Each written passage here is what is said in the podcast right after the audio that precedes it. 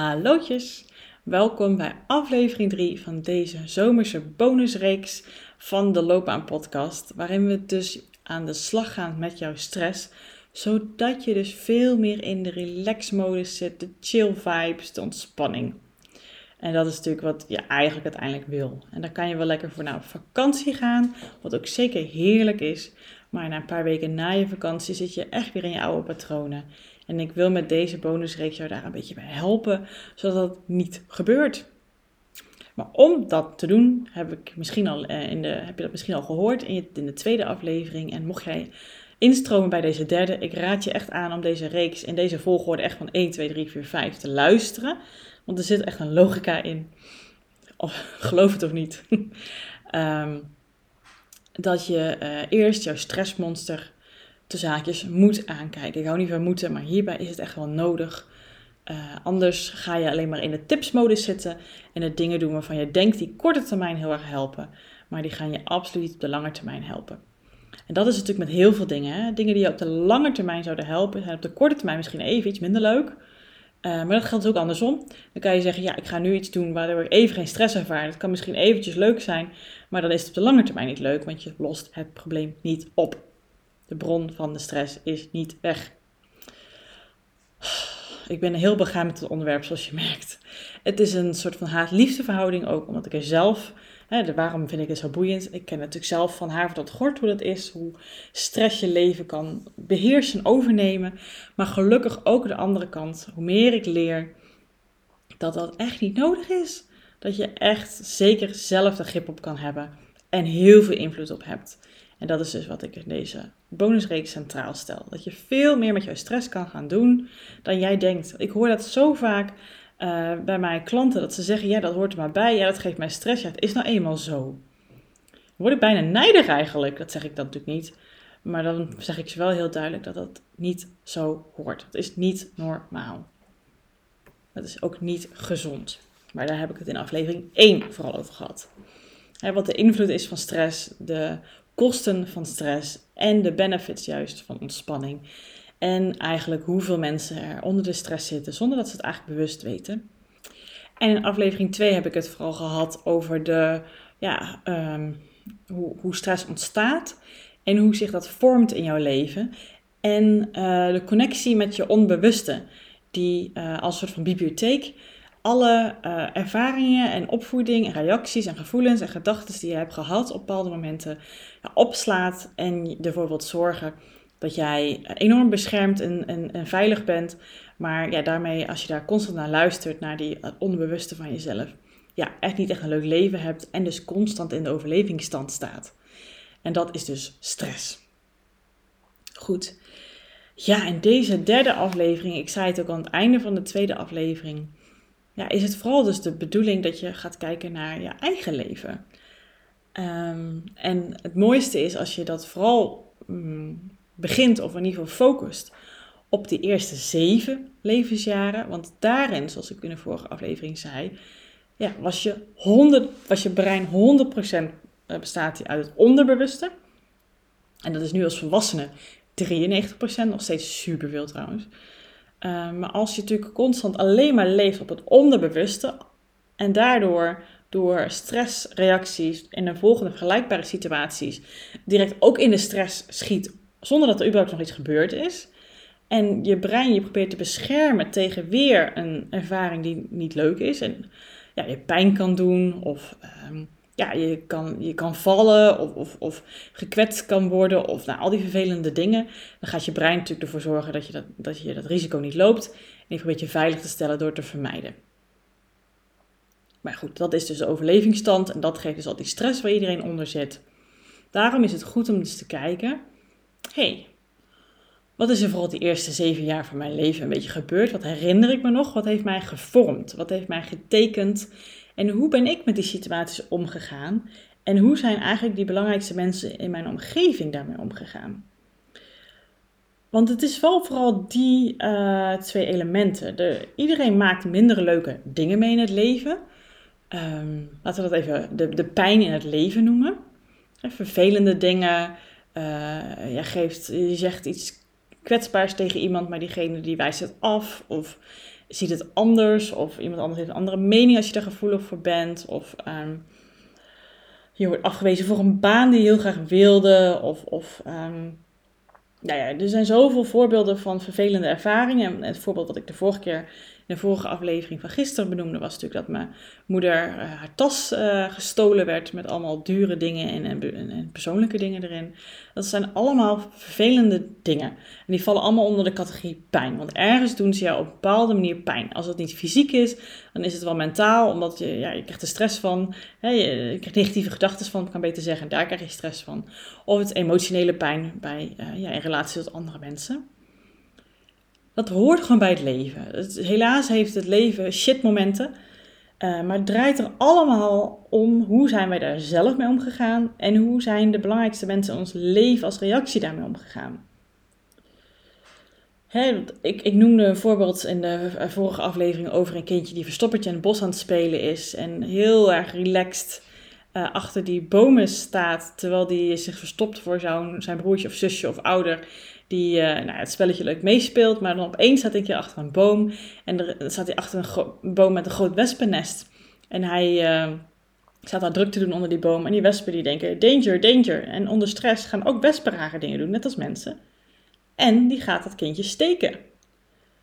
Ja, nou ja, afhankelijk ook van de reactie van het kindje op die wespen steken, maar vooral heel erg de reactie van de andere in die situatie. Als een ouder als een gek in paniek schiet, en bevestigt dat het een hele enge, erge situatie is. Waar die misschien wel voor zo'n kindje kan zo'n reactie zijn: ik ga dood. die, die krijgt er heel veel stress van. Of als een ouder rustig blijft, gewoon de situatie onderzoekt. Misschien intern wel denkt: kak, kak, kak, wat gebeurt er allemaal? Maar weet dat hij rustig moet blijven om de situatie niet te laten escaleren. Dan heeft het waarschijnlijk niet echt een, een extra pijnlijk uh, gevoel veroorzaakt bij het kindje. En zal die de volgende keer achter zo'n boom wat sneller gaan staan, misschien met een beetje aarzeling, maar sneller dan een kindje waar de ouder helemaal van flipte. Want die denkt, ja, uh, achter elke boom kan wel een, uh, elke boom kan wel een wespennest hangen. Dus ja, dat gaan we gewoon niet meer doen. En dan neemt dus dat oerbrein, je onderbewuste, jou helemaal over en die wil jou beschermen. Jou veilig houden. Kijk eens wat een mooie uh, mechanisme het eigenlijk is. Hè? Alleen als we dat mechanisme voor alles inzetten, ja, dan uh, kunnen we eindigen met iemand die met pleinvrees en, en geen vrienden en geen zingeving en liefde in ons leven. Want ja, ons oerbrein neemt het over. En dat is wat we natuurlijk ook weer niet willen. Want dan zitten we constant in de overlevingsstand, in de vermijdingsstand, in de zekerheidszoekende stand, in de controlestand. Want we willen maar niet gekwetst, bezeerd, uh, afgewezen, uh, nou ja, pijn voelen. Toch? Daar zijn wij mensen voor. Ja. En ons onderbewuste brein, ons oerbrein, is zo oud. En vroeger was die enorm relevant, want ja, daar kon ook echt letterlijk een beer overal zijn. En je moest vechten voor soms je eten. En uh, om je kinderen te beschermen tegen alle gevaren van de wereld. Maar tegenwoordig is dat niet meer zo. En ons brein blijft er nog steeds in hangen. En dan kan dus zelfs inderdaad een deadline of een mailtje van een collega die we niet zo leuk vinden of onze leidinggevende bijna dezelfde hoeveelheid stress geven als een beer. Nou, achterlijk eigenlijk, hè? maar zo is het wel. En in onze dagelijkse leven hebben we zoveel stressoren, want ons overlevingsmechanisme wordt door zoveel dingen. Ja, hè, je hoort me al zo schrikken, je ademhaling gaat omhoog, je, je, je, je lijf gaat gespannen en komen dus in die alertheidsfase. En dat maakt dat we dus constant onder de stress zitten. Maar probeer eens voor jezelf eens na te gaan. Dit is vaak de eerste oefening, maar dan veel groter, die ik aan het begin van mijn loopbaanbegeleiding inzet. Um, ja, terug te kijken, misschien fotoalbums erbij te pakken. Um, ja, is te mijmeren over hoe jouw kijk is op wat jij hebt meegemaakt. En dan vooral de eerste paar zeven levensjaren, maar natuurlijk ook de rest van je leven. Want je stopt niet met leven en leren en ontwikkelen en dus ook pijn uh, tegenkomen uh, vanaf je zevende. Je luistert dit, dus ik denk van niet. um, ja, hoe, wat heeft jou gevormd? Welke ervaringen hebben er een beetje bij jou ingehakt? Wat zijn stressmomenten geweest die er nu nog eigenlijk nog steeds zijn? Die jou nog steeds triggeren? Wat, wat, wat zijn dat? Wat vormt jou daarin? En eh, vaak is het zo dat wat ons nu nog stress geeft, bijvoorbeeld hè, pak een eigen klein voorbeeldje. Ehm, dat als ik um, een idee heb bedacht, wat mij heel leuk lijkt, maar de ander niet, dan schiet ik in de stress. En dat heeft dus niet, het heeft de situatie die ik net benoem, even heel kort gezegd, is wel de stressreactie, maar de oorsprong van die stressreactie is van toen ik een klein meisje was en uh, ja, moeite had met contact maken met mensen, iets heel graag wilde van mijn ouders, van mijn moeder. Vooral, want die was vooral, uh, mijn vader werkte veel, mijn moeder was veel thuis. Maar dat niet kreeg. Dus wat ging ik dan doen? Ik ging pleasen. Er zit een hele grote pleaser in mij. Die dan heel graag aardig gevonden lief en lief gevonden wil worden en, en erbij wil horen. Dus die ging zich aanpassen. Dus ik ben vooral veel gaan doen wat de ander van mij verwacht. En wat de ander van mij wil en waar de ander blij van wordt. En ik ga ervan uit dat je dit vast wel op een bepaalde manier kan herkennen. Dus dan ga je zelf niet zoveel meer nadenken. En je wil vooral voldoen aan de verwachtingen van de ander. Dus als in het dagelijks leven.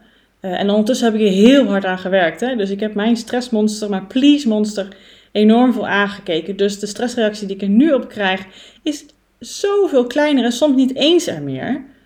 Uh, maar dat hangt dus een beetje af van de persoon soms, hoe belangrijk je diegene vindt. Dat hij dus soms nog even is en daarna kan ik heel makkelijk weer ontspannen. Maar ja, laten we zeggen, vijf jaar geleden was dat nog niet zo hoor. Ik, ik werd heel erg alert, ik kreeg grote ogen ervan en ik kak, kak, kak, wat moet ik doen? Als ik iets voorstelde om iets te gaan doen en diegene zei, nee, daar heb ik geen zin in. Oh my god, de stress vlamde uit mijn oren. Ik schrok er enorm van, want dat komt omdat oude pijn weer naar boven kwam. En het komt ook omdat naast dat ik heel graag de liefde van mijn ouders graag wilde, er ook bij ons thuis heel erg belangrijk was. Dat waren bepaalde regels die we hadden. Dat je beleefd moet zijn, dat je altijd aardig moet zijn, dat je je in moet houden. Hè, dat dingen, vervelende dingen, die ga je niet vertellen tegen iedereen. Je moet lief zijn. Liefheid werd heel erg beloond. Dus het kan natuurlijk zo zijn dat, dat mijn reactie als kind was dat ik wilde gaan pleasen, maar dat mijn moeder daarop reageerde van doe nu normaal, dat hoeft helemaal niet, doe gewoon lekker je eigen ding. Dan was het niet zo sterk geworden in mij. Dan was het er nog steeds wel in een bepaalde mate, maar dan was het niet zo sterk geworden. Maar het werd bekrachtigd door de reactie van mijn moeder erop. En dat zijn natuurlijk allemaal hele kleine momentjes geweest.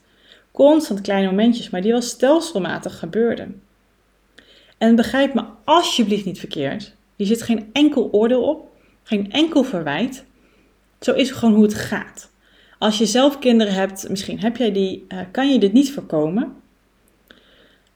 Want ja, een kind reageert en denkt op een bepaalde manier die jij misschien nog niet door hebt als ouder, want je kan niet alle gedachteprocessen zien. En jij hebt ook bepaalde normen en waarden die je belangrijk vindt om mee te geven. Ook weer vanuit jouw opvoeding. Of, of, of je dat wil ik toen niet, dat wil ik nu wel. Je bent geen robot, je bent een mens. Dus weet dat dat niet anders kan. Um, dit hoort er allemaal bij. Ik heb er ook veel gesprekken over gehad met mijn ouders, misschien jij ook wel. Zij wisten ook niet zo goed hoe ermee om te gaan en zo zijn hij ook opgevoed. Mijn moeder is ook zo opgevoed. Heel gastvrij zijn naar iedereen en heel lief zijn naar iedereen. Maar ja, de prijs die ik daarmee betaal, is dat ik dus in de overlevingsstand constant ga aanpassen, constant ga pleasen, de andermans verwachtingen boven mijn eigen wensen en behoeftes uh, uh, zet de ander belangrijker vindt dan mezelf, de ander op een voetstuk zetten dan mezelf, zelf niet gaat nadenken of gaat voelen waar mijn behoeftes en wensen en ja, uh, zitten. Um, maar daar zijn ook prachtige kwaliteiten uitgekomen, want anders denk ik niet dat ik de coach ben die ik vandaag ben. Want ik kan enorm goed luisteren en inleven. Ik ben heel gevoelig voor de emoties van andere mensen. Uh, ik, ik heb heel veel empathie. Ik kan heel goed observeren. Dus ik, ik vang dingen op die de ander nog niet eens doorheeft. Omdat ik zo alert goed ben in sociale facet. Dus zo heeft elke uh, munt twee kanten. Hè? Maar het is begonnen vanuit een stressreactie. Het is begonnen vanuit een aanpasbehoefte in mijn geval. En ik zou aan jou willen vragen, waar kan je dat bij jezelf herkennen? Want iedereen heeft deze momenten. En ik geef hier even een voorbeeld van Hè, dat ik dat pleaser ben uit hangen in bepaalde situaties. De een die trekt zich terug, de ander uh, die, die, die uh, zoekt het in bepaalde andere dingen. De volgende wordt heel erg, um, ja, ja, krachtig en, en, en gaat terugvechten en gaat zeggen: Nee, ik wil het zo. Gaat er een beetje als een tierende puber constant nog gedragen met, met, met boosheid en tantrums. Ja, dat is bij iedereen anders, hè? De, de volgende die. Uh, um, ik zit er vaak op te denken, joh. Die, die, ja, die wil alleen maar bemiddelen. Oh ja, en die wil alle problemen die iemand heeft fixen. Dus die, als iemand uh, verdrietig is, oh, dat moet weg. Uh, dan gaat hij alles doen om maar een glimlach op die persoon in gezicht te krijgen. En, oh, en dan kan hij pas ontspannen. Dus het is ook een beetje, en uh, dit heb ik van mijn eigen coach geleerd, het magische kindstuk. Het magie, wat jij dacht, dat, dat jij, als jij dat zou doen, wat dan magisch alles te oplossen voor je ouders of voor de ander of voor jezelf. Maar dat zijn allemaal stressreacties. En tel dan dus ook nog eens de ervaringen op waar je dus soort een vorm van pijn gehad hebt. En hoe jij dan daar weer op gereageerd hebt. En welke gedachten en emoties erbij kwamen. En vooral ook welke belangrijke mensen in jouw leven, vooral toen je klein was, hoe die dan daar weer op reageren. Want die zijn voor jou heel belangrijk, want die hebben jou gevormd. En hoe dat je dan weer ehm, ja, invloed op jou gehad hebben. En zo vormt zich die hele um, ja, onbe, onbe, onderbewuste oerbreinbibliotheek vormt zich zo steeds.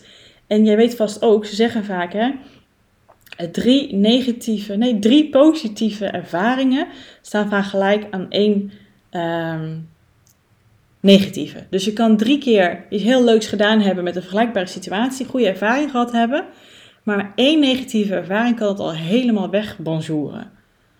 Nou ja, ik denk bijna dat dat misschien nog wel een andere verhouding is. Misschien wel 1 op 5. In ieder geval mij wel, want ik ben extra gevoelig gewired. Dus dat denk ik dat ik helemaal heb. Ik geef ook workshops, heb ik vast al eens verteld in de afleveringen, uh, als je die geluisterd hebt eerdere. En dan krijg ik altijd uh, uh, na zo'n workshop, na een paar dagen, de, de beoordelingen terug van de studenten. En dan heb ik bijvoorbeeld acht mensen in mijn groep. En dan zijn er zeven gewoon tevreden tot heel, heel tevreden. En is er één die dan één opmerking geeft van... Goh, dit vond ik toch niet zo leuk. En dan vooral als het over mij gaat. Nou, bam hè. Ik ben gelijk klaar. Want ik ben daar gewoon heel gevoelig voor. Dan kan bijna, soms als ik het toelaat, als die stressmonster mij, uh, als ik dat uh, mij laat overnemen, kan ik de hele dag van de zijk zijn. Ja, dat kon ik vooral toen ik hier nog allemaal geen weet van heb. Maar wederom, je hebt hier wel invloed op. Je hebt invloed hoe je met jouw stress om kan gaan. Maar om te weten hoe je ermee om kan gaan, moet je eerst weten, moet je eerst het stressmonster aan gaan kijken en weten waar die uit bestaat. Wat zijn die ervaringen? Wat was jouw magische kindstuk? Dat jij dacht, oh als ik dit doe, dan los ik alles op. En doe je dus nu nog steeds als je in de stress zit, als je in een situatie zit die lastig is, die pijnlijk is, die moeilijk is, die, waar je hartslag van omhoog gaat. Dus ga eens bij jezelf na wat is dat? Wat heeft jou gevormd? En wat zijn dus nu die moeilijke momenten waardoor jij dus diezelfde manier van reageren, diezelfde overlevingsstand, diezelfde stressreacties geeft?